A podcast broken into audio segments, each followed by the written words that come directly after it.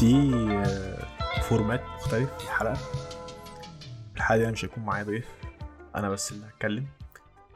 و هسميها تنفيسة. جاية من متنفس يعني. أنا ب- بتكلم عن حاجة شغلاني أو حاجة بفكر فيها أو حاجة عايز أعلق عليها. آه، في الحلقة دي مثلا هعلق على مقال. كان منتشر فترة كده. زمان قوي في 2019 يعني في أول 2019 خالص. آه، حلقة تانية ممكن أعلق على فكرة ما أتكلم عن حاجة أقرأ حاجة برضو. كده كله على حسب أنا الفكرة اللي شغلاني أو اللي بفكر فيها عبارة عن إيه. فهوفلي الحلقة دي مش هتكون طويلة عكس الحلقات يعني اللي بيكون معايا فيها ضيف. هتبقى حلقة قصيرة بس ممكن تبقى زيادة شوية برضو. متبقاش قصيرة جدا لأن أنا رغاي بصراحة وبحب أرغي آه فاللي أنا هعمله في الحلقة دي إن أنا هتكلم عن مقالة اسمها لماذا لم أعد أريد الهجرة من مصر. في المقالة دي أنا هقراها وهعلق على حتة اللي أنا عايز أعلق عليها في نفس الوقت. آه لأن أنا فاكر المقالة دي أنا قريتها مثلا كان الكلام ده قبل ما أسافر؟ لأ بعد ما سافرت بشوية نزلت المقالة وكنت أنا لسه بقى إيه بقالي كام شهر في كندا يعني.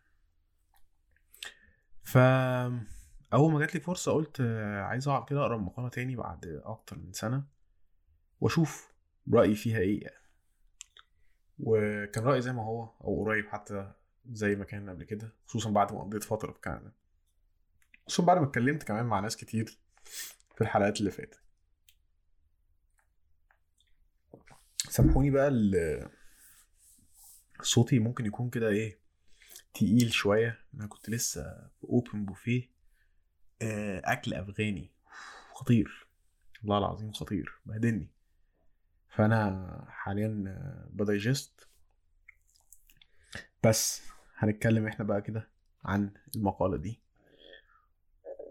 ونحللها ونعلق عليها. لماذا لم أعد أريد الهجرة من مصر؟ ده اسم المقالة. طبعا واضح العنوان بيتكلم في إيه. وهي كتبتها واحدة اسمها آه، صحفية اسمها آية عبد الرحمن ليها طبعا كل الاحترام والتقدير يعني.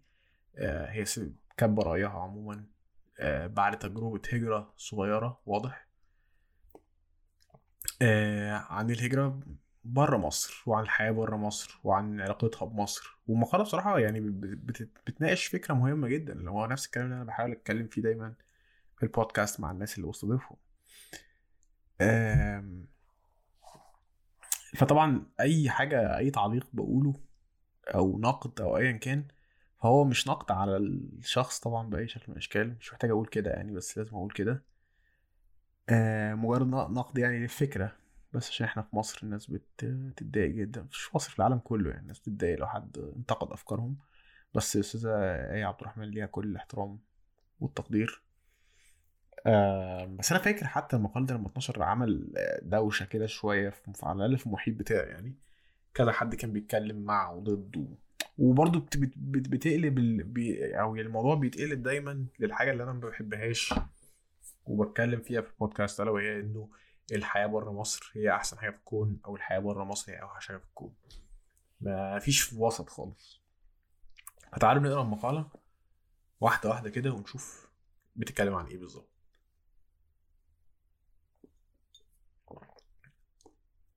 لماذا لم أعد أريد الهجرة من مصر؟ كنت أسخر دوما ممن فضلوا البقاء في مصر لعجزهم عن فراق الأهل والأحباب ومن يدعون أن الحياة هناك أدفى وأسعد لكني اكتشفت أنهم على حق الحياة في مصر ليست سهلة بالنسبة لكثيرين وبالنسبة إلي عشت مراحل مختلفة من قسوتها حتى عام 2010 كنت أكافح لأحصل على أبسط متطلبات الحياة المسكن والطعام والتعليم ومع أزمة اقتصادية تلو أخرى انهارت عائلتي إلى الحضيض. ما اضطرني للعمل نحو 15 ساعة يوميا على مدار أعوام. كأغلب, كأغلب أبناء جيلي كفرت بمصر وأردت الهرب منها بأي شكل ثم جاءت ثورة 25 يناير كان المشهد حالما ورديا تخيلنا أن الأوضاع ستتحسن ونهضة بوطن أكثر دفئا حرية وعدالة اجتماعية وكرامة إلى آخر الشعارات إياها ولمدة عام قاتلنا من أجل هذا الحلم ولعام آخر تخلينا تخيلنا أننا سننهض من بوادر الهزيمة. لكن الثورة هزمت سياسيا بعنف في آخر المطاف وانتهى حلمنا في وطن أفضل وفقا للقواعد التي أردنا فرضها. من هنا بدأت موجة موجة الهجرة وقرر الكل أن يطفش. اللهم هجرة هاشتاج شهير لم يغادر المنشورات الكئيبة على فيسبوك المليئة بالسب واللعن والكراهية العارمة لكل شيء في البلد. من مقارنات لا منتهية بين أحوالنا والعالم المتقدم. تحولت جلساتي مع أصدقائي إلى خطط محكمة للهروب من الفخ والنجاة بحياة أفضل في بلد محترم. وبدأ كل منا يجهز نفسه للرحيل خلال خمس سنوات هاجر أكثر من عشرة من أصدقائي ومعارفي إلى ألمانيا واليابان وأمريكا وأستراليا والإمارات وغيرها. وحتى إبريل الماضي كنت أتهيأ لألحق بهم ثم تغير كل شيء. وتراجعت عن الهجرة من مصر بشكل نهائي. لماذا؟ هكذا. كلام جميل لغاية دلوقتي. البداية البداية في التأقلم. لازمني الاكتئاب طوال عشريناتي بسبب الأحداث السياسية العاصفة في مصر والتي أثرت على حياة جيلي اليومية وأحلامنا ومستقبلنا وحتى رفاهيتنا البسيطة وشعورنا بالأمان. نحن جيل سيء الحظ بدرجة مذهلة تحطمت كل أحلامه والرموز التي احترمها ونسفت كل قناعاته ثم أصيب بزلزال مادي مباشر مع تعويم الجنيه المصري فخسرنا استقرارنا المادي ومدخراتنا كلها أيضا وتفرقنا بين قتيل ومعتقل ومهاجر ومكتئب. وتافه يحاول الاحتفاظ بعقله. كانت الهجرة هي المخرج الوحيد من هذا الجحيم ولأجلها اكتسبت مهارات مختلفة. تعلمت ثلاث لغات وتعلمت التصوير الفوتوغرافي ليكون حرفة صالحة للعمل في أي دولة. وادخرت كثيرا لأؤمن. لأؤمن لأؤمن مبلغا أبدأ به حياة جديدة بعيدا. لكن مع حلول عام 2017 تغير شيء ما في حياتي. صرت أقدر على الانتصار في في المعارك اليومية الصغيرة المتواصلة المتواصلة. منعزلة ومكتفية بقوقعة مريحة وسط أناس يشبهونني. وأتجاهل الأغبياء والجهلة بيسر. بدأت أتأقلم على الحياة في مصر بهدوء أرعبني. وتزامن هذا مع مع بناء كارير مهم وواعد في الكتابة والصحافة. فعرفت أن علي الرحيل في أقرب فرصة وإلا صرت مصرية أكثر من لازم. مصرية لدرجة تجعل الهجرة مستحيلة. في ربيع في ربيع 2018 سافرت إلى الإمارات وهي رحلة استقبلتها ببهجة شديدة لأنها ستريحني ستريحني قليلا من ضغط الحياة المعتاد. ثم كانت المفاجأة أنني أني انهارت في اليوم الثالث للسفر. شعور رهيب بالغربة والضياع زلزلني. وبدأت سلسلة من المقارنات بدأت سلسلة من المقارنات تنعقد في ذهني بين الحياة الهادئة الأنيقة التي تخيلت أنني أني أريدها أكثر من أي شيء وبين الحياة المجنونة التي تركتها خلفي في الوطن. خوف غريب لف روحي بإحكام وخواء ثقيل اعتصر قلبي في بلد غاية في النظافة والنظام والكرم والترحاب. ومع هذا لم أشعر فيه أني حية. عايز أعلق بس على النقطة دي. آه، وهي حاجة كتير كلنا بنتصدم فيها. إنه إزاي الواحد كان بيبقى فاكر إنه كل اللي أنا محتاجه بس آه، بيئة نظيفة ومتنظمة والاتوبيس بيجي في ميعاده والخدمة ممتازة والناس بتتصل بعض في الشارع. وبعد كده بنصدم إن ده مش كفاية. ده حقيقي هو مش كفاية اطلاقا. وإنك ممكن تبقى في مدينة كويسة جدا من ناحية الانفراستراكشر ومن ناحية الشكل والحياة وكده لكن مش مبسوط فيها. أنت في المدينة الغلط أو في مدينة مش قادر تبقى جزء من مجتمعها وده ده طبيعي جدا ولازم يحصل. وبيتطلب إن أنت تعمل مجهود وشكل مختلف من الحياة عشان تبقى جزء من المدينة دي. نرجع للمقالة حاولت اجاهل مشاعري حتى دخلنا متحفا يعرض يعرض خرائط تاريخية. استوقفتني أحداها للدقائق وأنا أتأمل القاهرة. وشعرت بشيء شديد الغرابة جعلني أمعن النظر لدقيقة على الأقل حتى فهمته. لم تكن الخريطة معنية بمصر بأي حال. هي خريطة تفصيلية لشبه الجزيرة العربية. ولكن في عيني بدت مصر طاغية الحضور حتى أنني لم أرى سواها. وملأني الحب حتى أن قلبي.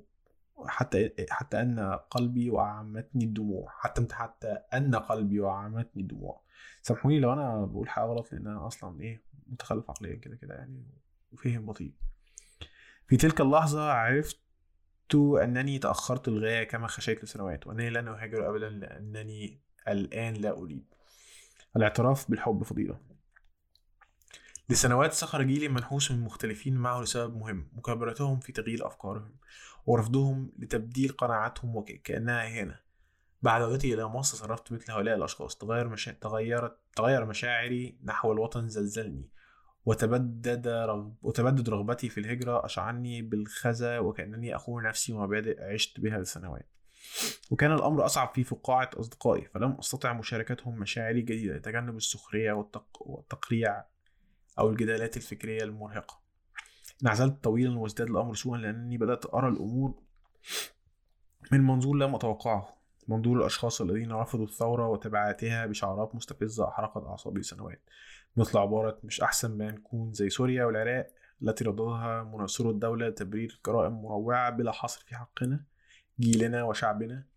لكن خلال وجودي في الإمارات قابلت أصدقاء عراقيين عاشوا تحت حكم داعش لسنوات وقصوا, وقصوا علي من مآسيهم ما جعل شعري يشيب. كرهت نفسي جدا وأنا أستعيد بعد الأحداث السياسية بعد الأحداث السياسية الكارثية في مصر. وأفكر أننا رغم كل هذا البؤس محظوظين نوعا لأننا لم نكن سوريا والعراق والعراق. ثم أعود ذكر ما نعنيه وأضرب رأسي بالجدار. يعني جزء سياسي مش مش هعلق عليه هنعلق عليه بعدين لأنه هيجي تاني بشكل أو بآخر. استمرت هذه الأفكار لشهور وكانت هزة نفسية لا توصف. انتهت بأنني تخليت عن كثير من آرائي السياسية الثورية القديمة بكل رومانسيتها وحماقتها وافتقارها للمنطق لكنني لم أنحاز للآراء السياسية المستفزة إياها مع افتقارها للرحمة والطموح والذكاء. ثم بدأت أعيد النظر في بنية مصر وتركيبها عبر التاريخ والخط الذي سارت عليه أمورها لآلاف السنين. ببطء تصالحت معها ووجدت أن البداية من جديد هنا تحمل لي امتيازات عظيمة تؤهل لما هو أكثر. ليالي الغربة. طوال تفكيري في الهجرة كان يؤرقني أنني لن أتحدث لغتي لأني كنت أجن حين سافرت للخارج قبل سنوات وتحدثت بالإنجليزية أسبوعا محروما من نقل مشاعر محروما من نقل مشاعري حرفيا بالأمثال والإفيهات والدعابات والموروث الثقافي المصري العبقري. أنا كاتبة واللغة تشكل أساس شخصيتي وليست شيئا هامشيا. آه، أنا عايز أعلق بقى الحتة دي لأنها حتة بتؤرقني اللغة اللغة مهمة جدا بصراحة. أنا نفسي بحس الإحساس ده أكيد بحس إن أنا في حتة مش عارف أعبر عنها. مش كفاية مهما كنت بتكلم إنجليزي كويس.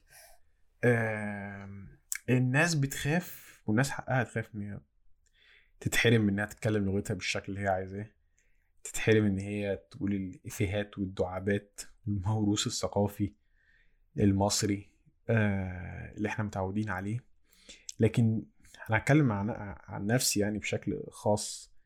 آه كجيل بقى تاني أو جزء تاني كبر على ثقافات مختلفة و اتربى على إيد الإنترنت والتلفزيون وبقى في عنده جزء ثقافي تاني ما يقدرش يعبر عنه في مصر وملوش أي علاقة بأي حاجة في مصر. هو محصور على مجموعة صغيرة من الناس اللي زيه. وده اللي أنا حسيته أكتر لما سافرت هنا ولقيت نفسي قادر أعبر عن الجزء الثقافي اللي هو غربي أو متعولم جاي من يعني بسبب العولمة وبسبب انفتاح كل حاجة عن بعضها ولقيت نفسي إن أنا لأول مرة قادر أربط حاجات مش عارف أربطها في مصر أو مش عارف أعبر عنها بأي شكل مصر. كافيهات وثقافات و... وكلام وريفرنسز وكلها حاجات لما بنزل مصر ما أقدرش الاقي غير واحد أو اتنين من اصدقائي المقربين هو اللي فاهمها واقدر اتفاهم معاه واتكلم معاه فيها سواء احداث سواء آه، أخبار آه، سواء افكار. ودي حاجة كذا حد كان بيقول لي عليها لما نيجي نتكلم بقى إيه في موضوع موضوع الجواز بقى وموضوع كبير جدا. تحس إن هو تتجوز واحدة أنت آه، من من بلد تانية ما تعرفش تهزر معاها وتقول الافات ما تعرفش تقول معاها مش عارف أنا زي بابا في الإيديت في القوة قوي ومش عارف الافيهات اللي هي اتعودنا عليها دي والكلام ده اللي أنا أصلا مش مش قوي فيها يعني. فهي مش يعني مش مقتنع بالحتة دي لكل الناس لأن طبعا في ناس زيي وكتير وناس مختلفة حتى عني. مش دي مش دي الأساس بالنسبة لنا. يعني مش إن أنا لو لو اتحرمت إن أنا أقول افيهات مع مثلا مراتي آه، الأمريكية. ما هو مش مش لازم إن الناس اللي حواليك يبقوا هم دول بيمثلوا كل حاجة في حياتك. طبعا المجتمع جزء مهم جدا. بس يعني ما هي مصر لسه جزء منك واصحابك هيفضلوا لسه اصحابك اللي في مصر هيفضلوا لسه جزء منك. وما تقدرش تاخد الحاجتين في نفس الوقت. ما تقدرش تحافظ على الإفيهات بتاعت مصر وتبقى متابعها ومركز معاها. أصل الإفيهات دي حاجة يعني مهمة جدا يعني. وفي نفس الوقت تبقى أنت في بلد تانية بتحافظ على الإفيهات اللي فيها والريفرنس الثقافية اللي فيها. هتاخد حبة من هنا وحبة من هنا وتمزج ده على ده. في حاجات أنا بحبها في حاجات ما بحبهاش. في إفيهات اوه مش عارف إيه مركز في الإفيهات ليه بس يعني كفكرة يعني عموما حاجات ثقافية أنا نفسي بصراحة أخلص منها. يعني أنا مش مش مش حاببها عمري ما حبيتها أصلا. هي بس كل اللي حواليا بيحسوا إن هي إيه ده الضحك بقى ده الكوميديا. إحنا يعني مش مش هنهزر بقى الحاجات دي أصلا بشعة طول طول الوقت يعني. بس إحنا بإيه بنتعامل إن هي دي الحياة. وفي حاجات بره أنا شايفها أحلى وعجباني أكتر وعايز أبقى جزء من ثقافتها أكتر. وده لأن أنا مش مؤمن يعني أنا مؤمن بإن أنا ممكن أبقى مصري وحاجة تانية وممكن أبقى مصري ومهاجر وطالب وكل حاجة بتيجي بقى بالريفرنسز والثقافات بتاعتها. وده موضوع كبير يعني إحنا بنخش فيه في يوم من الأيام. نرجع تاني للمقالة. أنا كاتبة. واللغة تشكل أساس شخصيتي وليست شيئا هامشيا. حين قررت البقاء في مصر انزاح هذا الحمل عن كاهلي لأن أكون مضطرا للاغتراب اللغوي إلى جانب أشكال أخرى من الغربة. آه قبل بس ما أكمل اغتراب لغوي إيه؟ هو إحنا مش بنتكلم إن إحنا في على على أنا فاهم من المقاله إن هي عايشه في الإمارات. فلو الإمارات اغتراب لغوي فأنا بصراحة مش عارف كندا تبقى إيه. ده غير إنه يعني اللي عايز في كل بلاد العالم يحصر حياته ما بين المصريين هيحصر حياته ما بين المصريين. لو إحنا هنقعد في أي حتة في مصر أي حتة قصدي بره مصر وعايز تقعد مع المجتمع المصري تقعد مع المجتمع المصري ما فيهاش يعني. كنت اسخر دوما ممن فضلوا البقاء في مصر لعجزهم عن فراق الأهل والأحباب. ومن يدعون إن الحياة هنا أدفأ وأسعد رغم أي شيء لكني اكتشفت إنهم على حق واكتشفت متعة العيش في مكان تمتد فيه جذوري فعلا. أعرف شوارعه وحواريه وكيف تشاجر مع السائقيه وأي مطاعمه أجمل. ويمكنني أن أنجح فيه وأؤمن أن وأؤمن النجاح لغيري لو فكرت في مشروع إيجابي واسع التأثير خصوصا في الأجيال الأصغر. لست مضطر لإنفاق كل ما أملك وتحميل نفسي ما لا طاقة لي به. حتى أذهب لبلاد بعيدة باردة تنام مبكرا لا تربطني بأهلها أي صلة. وخوض حروبا للحصول على إقامة وجنسية والعمل. كل هذا لأجل بعض الحريات الفردية والتي رأيت أنني أستطيع انتزاعها انتزاعها هنا بخطط جديدة. يعني طبعا مش عاي... مش حابب أعلق صراحة على آخر جملة دي إنه حريات فردية إيه اللي أنت ممكن تنتزعها بخطط بسيطة؟ هو أكيد في حريات فردية حسب أنت بقى إيه بالنسبة لك مهم يعني. بس إحنا بنشوف إنه العامل الفردي ده مش هو كل حاجة. يعني مش مش خططك وأفكارك الفردية وطريقة عيشك وطريقه عيشتك الفردية هي اللي هتبقى الحل لأنه في حاجات مجتمعية وفي حاجات systematic أنت مش هتغيرها أو أنت مش هتعرف تغيرها لوحدك. وبتأثر عليك سواء شئت أو ما وكل يوم بي بيتم إثبات إثبات ده. الجزء اللي هو بتاع نتكلم عن حاجة احس فيها بدفء. هبقى حواليا أهلي حواليا أصحابي مكان عارفه وعارف شوارعه وعارف ماضيه مية في المية صح. مهم جدا أنا بعاني من ده وكلنا أي حد بيسيب المكان اللي هو مش مش شام مصر يعني أي مكان أنت عارفه كويس وحافظه وعشت فيه فترة طويلة. طبعا بتيجي بعد كده بتحس إنه إيه ده أنا مش يعني مش مش جزء من المكان ده ومش حاسس بنفس الدفء ده. وده أحيانا بفكر فيه دلوقتي في مصر عموما يعني أنا في في الثلاث سنين اللي سافرتهم دول الدنيا اتغيرت بشكل كبير على قد ما بسمع حتى. يعني نزلت مصر مرتين كل مرة بنزل بحس إن الدنيا اتغيرت وبسمع إنه زهقت كل ما أكلم حد تليفون يقول لي أنت مش هتعرف الشوارع لما تنزل ومش عارف إيه والكلام ده. هل بقى لما أنزل مصر وألاقي الدنيا اختلفت؟ هل ده هيأثر على الدفء بتاعي؟ هياخد من الدفء مثلا اللي بتتكلم فيه المقالة؟ آه الأهل والصحاب؟ أكيد طبعا. حلم حياتي إن يا سلام يكون أهلي وصحابي كل الناس اللي أعرفهم في مصر وأحطهم هنا. وساعتها مش هتفرق معايا مصر بنفس الشكل أكيد. لكن لو حد فعلا عايز يسافر يعيش بره مصر محتاج بدون يعني طبعا بدون شك إنه يعمل compromise كبير جدا. يبقى لو هي compromise إنه خلاص أهلي في حتة واصحابي اللي اتربيت معاهم وعشت معاهم طول حياتي في حتة وأنا عايش في حتة تانية.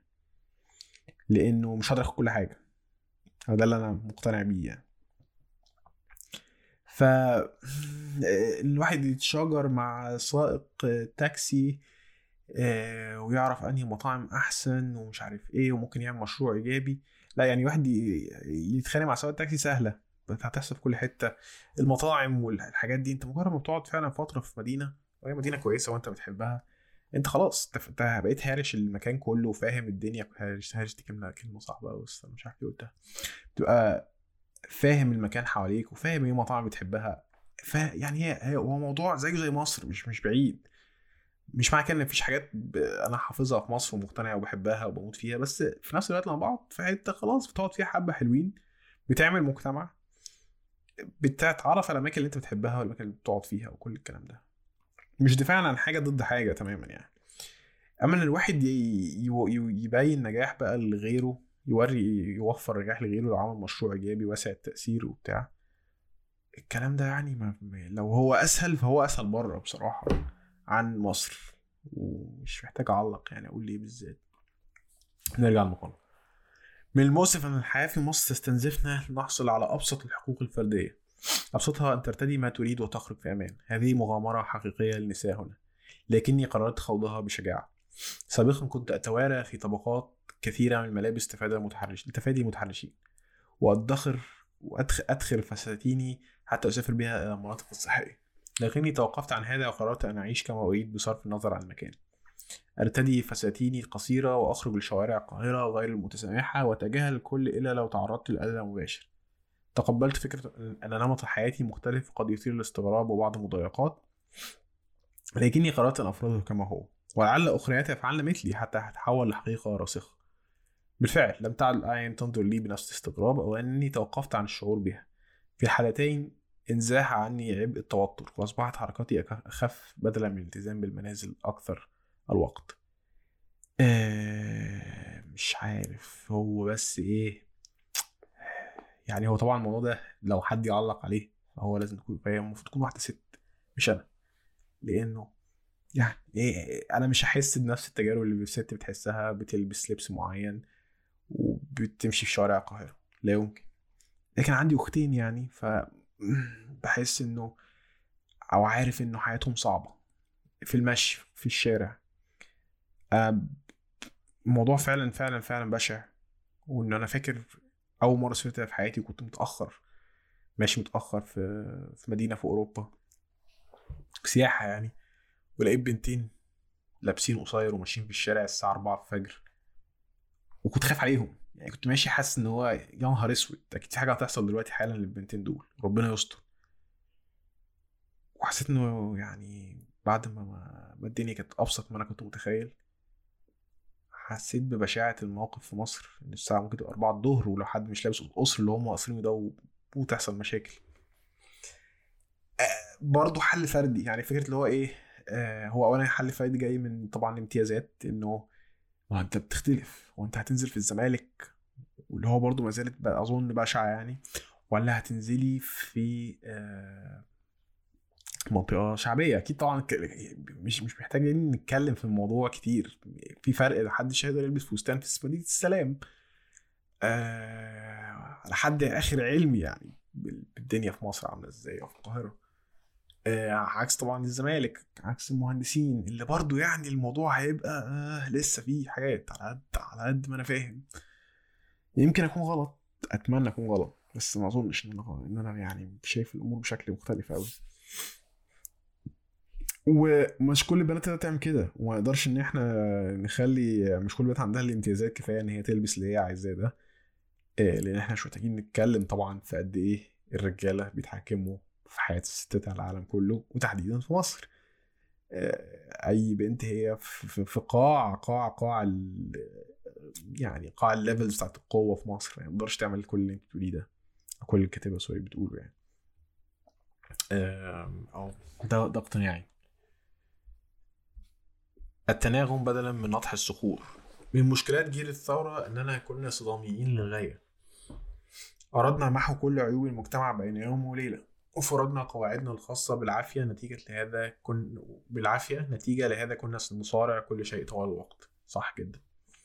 الموظف المرتشي والسائق المتهور والبائع الكئيب وعبارات التهنئة التقليدية من الأكبر سنا إلخ حسنا بعد تغيير نظرتي الأمور وجدت أن رغبتنا رغباتنا السابقة هذه غير منطقية. لقد انتظرنا التزام الآخرين بأفكار لم يسمعوا بها أصلا أو لا تسمح ظروف مجتمعنا بها مثل العمال الذين يسعون الإكراميات مقابل أي خدمة بسيطة. كنت أتجنبهم في الماضي وأرى أكثرهم نصابين وكسالى لكن الآن أنظر للصورة الكبيرة وأرى الظروف التي صنعتهم صنعتهم أولا ولا أمانع في منحهم إكراميات سخية لمجرد أن يبتهجوا في الوقت نفسه أنهي مصالحي دون ضوضاء وتوتر أعصاب وأضمن لنفسي معاملة ودودة مستقبلا. لن أجادل النسوة النسوة العجائز في أنني أبني مستقبلي ولا أفكر في الزواج الآن ولن أعرق دمي بأنهن بأنهن فيما لا يعنيهن بل سأقول شكرا بابتسامة وأنسى ما سمعت. آه يعني أتفق بشكل يعني كبير طبعا مع ال mechanism دي في التعامل مع الأمور في مصر. منحني التناغم مع واقع المجتمع سلاما نفسيا كبيرا. لكني في نفس الوقت لم أتوقف عن نقده ومحاولة تغييره. لكني سأغير بنعومة وعاطفة لا بصدمات وشجارات. سأعيش كما أريد وأفرض نمط حياتي كأمر واقع. ولن أقضي الوقت في التنظير الفارغ في الوقت آه sorry لن أقضي الوقت في التنظير الفارغ. في الوقت نفسه بدأت أنخرط في مناقشات توعوية, توعوية بقضايا مختلفة قضايا المرأة خصوصا والنقد الاجتماعي لعادات تدمر حياتنا بدلا من تنظيمها وتسهيلها. وأخطط الآن لمشروع ثقافي كبير سيغير خريطة الأدب. هكذا هكذا بدأ تسامحي مع المجتمع المصري الذي استنزفني قتاله قتاله لسنوات. والغريب أن استجابة الآخرين كانت كانت أفضل وتأثيري فيهم كان أعمق. أحيانا تستطيع العاصفة تغيير ما لا يقدر عليه. المنطق. آه مش عارف برضه يعني مش مش الحاجات الناريتيف اللي هي أساسها برضو individual أساسها فردي جاي من أنا اغير أنا اعمل مشاريع ضخ مش عارف إيه. كويسة جميلة أنا مقتنع بالناحية الفردية ومقتنع بس مقتنع بالناحية الاجتماعية ومقتنع بالناحية الكولكتيفست يعني الجماعية قصدي. اللي فعلا بتعمل تغيير كبير اللي فعلا بتسمح بحاجات تتغير ودي مش مش على نطاق بقى أنا قررت أكتب بوست على الفيسبوك وأنا قررت أنشر حاجات توعويه الحاجات دي كويسة أنا نفسي بحاول أعمل كده بس في الأول وفي الآخر أنا لازم عارف إن هي لا يمكن تأدي لحاجة على نطاق واسع. واللي أنت محتاجه وسائل أقوى جدا وأكثر تاثيرا عشان تقدر توصل للحاجات دي. واللي هي مش متاحه لك ولا هتبقى متاحه لك لأسباب كتير يعني. كلنا عارفين. بعض الجمال يكفيني الآن. في سنوات الاحتراق الماضية لم أرى شيئا جميلا على الإطلاق في مصر. كنت متذمرة طوال الوقت وغاضبة ومحبطة ومكتئبة. وبعد أن أصابني سحر الحب وجدت عناية الصلاحيان مع كثير من الأشياء التي استفزتني من قبل وأرى خصوصيتها وتفردها. وفي الوقت نفسه تعبر تعبر عيناي عيناي القبح تعبر عيناي القبح تمسكها بالجمال والبهجة في أصغر التفاصيل. أعلم كان يبدو كلامي رومانسيا حالما وربما بعيدا عن الواقع أو متعاميا عنه. ولو, ولو إني ولو أنني سمعته قبل عام لشبعت سخرية من نفسي لكني ممتنة جدا بالوصول إلى مرحلة من حياتي لا أكره فيها الهواء الذي أتنفسه وأرى شيئا من الأمل في الأجواء. again بجد يعني defense mechanism رائعة مش sorry مش defense mechanism mechanism رائعة للعيشة في مصر وأنا متفق معاها بصراحة إن الواحد يحاول إيه يعني يبص مع إني بكره فكرة نص الكوباية المليان والكلام ده أفضل إني أغير حاجات أفضل إن أنا مبقاش في الجزء ده بس ده أنا شخصي وظروفي وحواراتي هي كل حد ليه ظروفه مختلفة. وإنه لو مضطر أو مش قادر تبعد عن مصر فطبعا دي طريقة كويسة جدا إن أنت تعرف تعيش تعرف تعيش وفي تعيش سلام نفسي. لأن الحياة في مصر السلام النفسي فيها صعب جدا. مرة أخرى أقول أن فشل الثورة كان حتميا لأنني لأننا كنا نسخا لا تختلف عمن سبقونا. ضيق الأفق ضيق الأفق متعصبين ومتعجرفين وشديد البلاهة أيضا. وكان من الطبيعي أن تكون الموجة أعلى من منا وتغرقنا وتشرذمنا تشرذمنا أنا مش عارف الكلمة دي بتنطق إزاي الصراحة. تشرذمنا هكذا. لكني ما زلت متمسكة بأن الثورة انتصرت اجتماعيا على نحو باهر. الحريات التي الفردية التي ننتزعها قسرا وتوسع دائرتها يوميا يوما بعد يوم تزايد تزايد الوعي بقضايا كانت مناقشتها مستحيلة من ثمان سنوات. أتوقع إن أنا سنصبح النموذج الذي يحتذى به الأجيال الأصغر سنا لو إننا اندمجنا في محيطنا واستوعبناه وحاولنا ترويضه ونحن أقدر على هذا لأننا نسبق المجتمع وعيا بخطوات. آه مش يعني لا مش مش مش مقتنع خالص الصراحه في جزء عن الثورة مش هتكلم عنه أصلا عشان سياسه وبتاع مش طالبة. آه بس إن إحنا نكون بقى النموذج اللي يحتذي بيه الأجيال الأصغر سنا آه لو إحنا بقينا جزء من المجتمع اللي حوالينا واستوعبناه وحاولنا إن إحنا نروضه وإحنا نقدر نعمل كده عشان إحنا سابقين المجتمع وعيا بخطوات آه لأ أنا بصراحة معترض بشكل كبير يعني على الكلام ده. مش شايف أو يمكن أنا مش عارف في حاجات الصراحة الواحد يعني أنا ببقى حاسس إنه يمكن عشان أنا بقالي فترة بعيد عن مصر فما أعرفش بس حاسس مش شايف الكلام ده. والكلام ده كان من زمان يعني 2019 كنت أنا سايب مصر بقالي كام شهر. بس أنا مش شايف إن إحنا نموذج الصراحة يعتز بيه الأجيال الأصغر سنا يعني.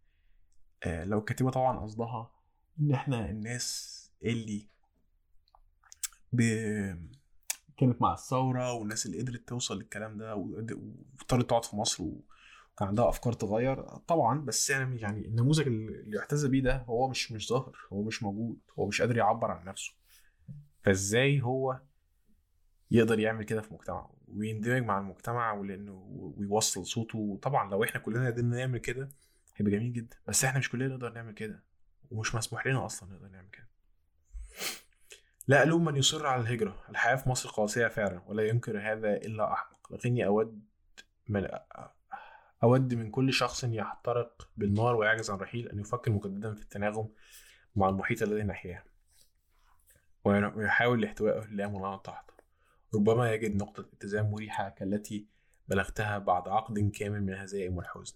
بعد عودتي إلى مصر كنت في شرفة منزلي أنظر عبر الشارع إلى بناية قديمة تراثية لسبب ما لون سكان الطابق العلوي من منها لون السكان الطابق العلوي منها شرفتهم. والتي هي جزء من واجهة العمارة بلون زاعق بلون زاعق. كان المشهد يزعجني وسب وسب حماقة من لا يقدرون الكمال ثم فجأة انتبهت أن باقي العمارة باقي العمارة ما تزال محتفظة بحالتها الأصلية الجميلة لكني لم أرى هذا من قبل قط. حسنا منذ عودتي إلى مصر وأنا مصرة وبشدة على الرؤية. يعني المقالة بصراحة بعترض معاها بشكل كبير باين لي عشان هي بتميل للناحية الفردية. وثانيا عشان بشكل كبير برضو مع جان طبعا كامل احترامي للكاتبة إن بتتكلم في الامارات ان الإمارات مش غربة يعني أو غربة أكيد طبعا بس مش بالمعنى القوي اللي أنا متخيله. إن حد يروح يعيش في الإمارات اللي هي على بعد ساعتين ثلاث ساعات من مصر أو الكويت أو السعودية أكيد طبعا هو بعيد عن أهله وأحبابه. بس إحنا بنتكلم في إنه انت انزل مصر بقى في اي اجازة في اي اجازة عيد الوطن الامارات مثلا ولا حاجة. انما ما مت... انما يعني الموضوع مش بعيد ثانيا مصر الامارات مليانة مصريين. فأنا مش قادر أفهم هو إزاي دي يعني تبقى موضوع يمكن الموضوع صعب على ناس كتير. مش سهل طبعا من حد للتاني أنا متفهم قوي كده. آه يعني أنا مهتم أعرف الكاتبة قعدت قد إيه؟ ده بصراحة برضو موضوع مهم جدا. لأن كانت بتتكلم عن إن هي سافرت في أواخر 2017 أو 2018 باين أو 2018 كان مقالة في أول تسعة في أول 19 فمش عارف يعني حاسس برضو إنه إن الواحد يروح حتة جديدة. يعني أنا أنا طبعا أول ما رحت كندا اوتوماتيكلي حسيت كل الأحاسيس دي. كله داخل في كله وبعدين أنت بتبقى مش بتفكر في أي حاجة أصلا وعايز اللي هو ده رايح انبسط واشوف حتة جديدة وحياه جديدة. وبتتضرب بقى كذا قلم بتاع الوحدة وطبعا كرجالة مصريين آه، مش متعودين نعمل أي حاجة في حياتنا. في البيت تحس ان هو نهار أسود الغسالة والأكل والمش عارف إيه فبتحس إن هو مرة واحدة الحياة بقت صعبة. الحياة مش سهلة ولوحدك. ومفيش صحاب. وما تعرفش حد ومش عارف تبدأ منين وعندك ورق وفيزا ومذاكرة لو انت طالب حاجات كتير. مش سهلة طبعا. لكن ما ينفعش إن أنا طبعا أقول إنه بعد كده 3 4 شهور في الظروف دي الجديدة جدا عليا إن أنا أقول آه ما الحياة بره مصر صعبة. يعني ينفع أقول أكيد إن هي حياة صعبة بس في نفس الوقت أنا مش حاسس إن ده فير حاسس إن أنت محتاج تدي لنفسك وقت وتجرب وتندمج مع الناس اللي حواليك أصلا تشوف أنت هتنبسط معاهم ولا لأ. تشوف هل أنت حابب مجتمعات اللي حواليك حابب تبقى جزء منها ولا مش حابب. آه ودي يعني حاجة كلنا بنعاني منها ما فيهاش مفر. يعني أنت بتروح من حتة تعرف فيها كل الناس لحتة ما تعرفش فيها ولا بني آدم. ومحتاج بقى تتأقلم على الكلام ده وتعيش حياتك بقى بالعادي. فهو طب في تمن بيدفع ما فيهوش كلام. وإن ال... وأنا شايف إن إحنا في مصر مش مش يعني مش إحنا الطبقة الفوق المتوسطة اللي أنا يعني أو المتوسطة حتى اللي هأسوم إن الكاتبة بتاعت المقال منها وإن أنا منها بنتوقعها وهي آه، في سهولة برضو في التعامل في الحياة في مصر إن إحنا مش مضطرين نتعامل مع حاجات كتير جدا. في سهولة كده مش بتتواجد ما بتطلع بره. بتبقى أنت خلاص لوحدك محتاج أنت تتحمل مسؤوليات كتير جدا جدا ما كانتش بتيجي في بالك قبل كده. فده مش مش سهل مش سهل على ناس كتير. آه في مصريين كتير في كندا دائمي الشكوى شكوى لا تنقطع. يا حس إن أنا خلاص كرهت حياتي في إيه يا جدعان مفيش حاجة عدلة هنا طيب؟ هما بيبقوا شايفين الحياة هنا بشكل مختلف. في في عشم في إن الحياة تلاقيها كلها متظبطة. في عشم إن أنت لو الدنيا نظيفة والشوارع جميلة وكل حاجة منظمة والناس بت... الناس لطيفة إن معنى كده الحياة تبقى حلوة. بس طبعا الحياة مش كده الحياة أعقد بكتير جدا من بس البيئة اللي حوالينا. البيئة اللي حوالينا دي جزء كبير جدا منها. الناس اللي حوالينا الناس اللي معانا في البيئة دي برضو جزء تاني. أنا نفسي وحالتي النفسية جزء تالت. في لايرز كتير جدا يعني. وشايف إنه لازم الواحد يدي لنفسه فرصة بانه يقعد في مكان معين لو عنده فرصة ولو قادر طبعا ولو مش الموضوع مش مؤثر عليه كبير يعني بشكل كبير إنه يقعد في المكان ده ويجرب بقى فيه كل حاجة يجرب كل حاجة يقدر يجربها ويعتبرها فرصة ليه جديدة يعيش بشكل مختلف تماما عن اللي فيه. معترض حاجات كتير في المقال بتعتمد على إنه يعني إن إيه وهي برضو ثقافة موجودة هنا مثلا في أمريكا الشمالية كأمريكا وكندا يعني بشكل كبير جدا ثقافة إنه غير منظورك. آه يعني أنت غير منظورك ناحية الحاجة فاهم؟ بص على الكوباية دي لقيتها مليانة من تحت بس فاضية من فوق يبقى أنت خد المليان وقول الحمد لله معايا نص كوباية. وأنا بعمل كده في حاجات كتير في حياتي بصراحة بقى يعني مبسوط باللي عندي.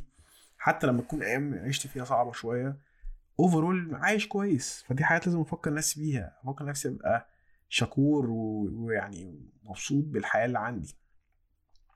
آه ودي حاجة بصراحة اتعلمتها في مصر بشكل كبير وهي مهمة. لكن لازم أفتكر لازم أفتكر حاجات تانية. لازم أفتكر إن في حاجات ما بتتغيرش عشان أنا ببص عليها بشكل كويس. يمكن أعرف أهدي نفسي ناحية حاجات معينة. بس في حاجات تانية بشعة مش هقدر يعني أنا مثلا لما أنزل لما اكون في مصر الواحد واقف في الزحمة. هي الزحمة ما فيهاش بقى اللي هو لا والله أصل إيه هشغل الراديو وهنبسط وهستغل وقت الزحمة ده علشان أصحح أسمع البودكاست اللي بحبها. جميل جدا هو حاجات كويسة و mechanisms رائعة إن الواحد يعدي بيها أمور مش مش لطيفة. لكن لازم يعترف إن هي بشعة ولازم نقول إنه آه، أفضل ما ابقاش واقف في الزحمة أصلا. أفضل إن أنا أسمع البودكاست اللي أنا بحب أسمعها دي في وقت أنا بحدده عشان أنا بقى عندي وقت أكتر مش ضايع في الزحمة مثلا. دي ناحية. فلازم في في الناحية الفردية والناحية المجتمعية أو يعني الجماعية sorry. إنه في حاجات أنا أقدر أتحكم فيها وأغير فيها. لكن في حاجات بشعة ما أقدرش اعمل فيها اي حاجة وهي للأسف في منها كتير جدا في مصر وده بيخلي الأمور في الحياة غير الحياة في مصر صعبة جدا يعني. أجان كل الاحترام لكاتبة المقالة عشان ما يبقاش الموضوع كأنه نقد ليها بأي شكل من الأشكال يعني. هي نقد للكلام مش عاجبني بصراحة. كان وجهة نظر. لكن هي طبعا يعني بتقول وجهة نظر في نظرها هي شخصية ما لقيتش إن ده في الجميع. وأنا بقول برضو وجهة نظر. بالنسبة للموضوع ده يعني مش طبعا كل الناس تتفق ولا تمشي على الكلام ده أو تسمع الكلام ده حتى. آه بس أنا شايف إن الموضوع يعني رمادي معقد أكتر من كده شوية على انه هو يتحط فيه إنه ارجع مصر وعيش في البابل بتاعتك وخلي البابل دي بالشكل اللي أنت بتحبه وما تيجي تبص على حاجة بص الحاجات الحلوة اللي فيها والبس اللي يعجبك ومش مهم اللي مش عاجبه اللي مش اللي يقول لك كلام مش عاجبك قول له ماشي ومعلش وعديها عشان تقضي. صح حلو بي- بينفع فعلا. لكن إيه بقى رأيك في إن إحنا نعيش في نعيش في حتة مش محتاجين نعمل كل الكلام ده أصلا؟ في رأيي أحلى. أنا فاكر كانت مرة زمان قوي مع بنت خالتي وكنت بقول لها بحكي لها على حياتي هنا يعني وكانت مش مش أحسن حياة في الكورة كانت بتقول لي يعني مصر ومش مصر و... وفي حاجة حلوة جدا وإن أنت ممكن في مصر تقعد تعمل بابل بتاعتك. خمسة ستة عشرة بني آدمين وتروح الأماكن اللي أنت بتحبها. وهي صراحة عندها حق جدا. كل الكلام ده صح. دي طريقة مناسبة إنك تعيش في مصر. بس أنا قلت لها إنه طب ما أنا عايز أعيش في ما- مش مضطر أصلا أعمل فيها الكلام ده. مش مضطر يبقى عندي بابل واحدة ضيقة بعمل في- فيها اللي أنا عايزه ب- ب- بستعبط وبشكل نفسي وبغير من نفسي علشان الناس تقبلني. يعني دي آرائي على الموضوع. أه وهحاول أعمل يعني آه، حلقات زي دي كل فترة كده بين كل آه، كام انترفيو أه لأي فكرة أنا عايز أناقشها. ولو حد عنده أي فكرة عايز يتكلم فيها أو ليه رأي معين عن حاجة أو عايز يلفت انتباهي لحاجة معينة يبعت لي على البيج بتاعت الفيسبوك وأنا هبص عليها.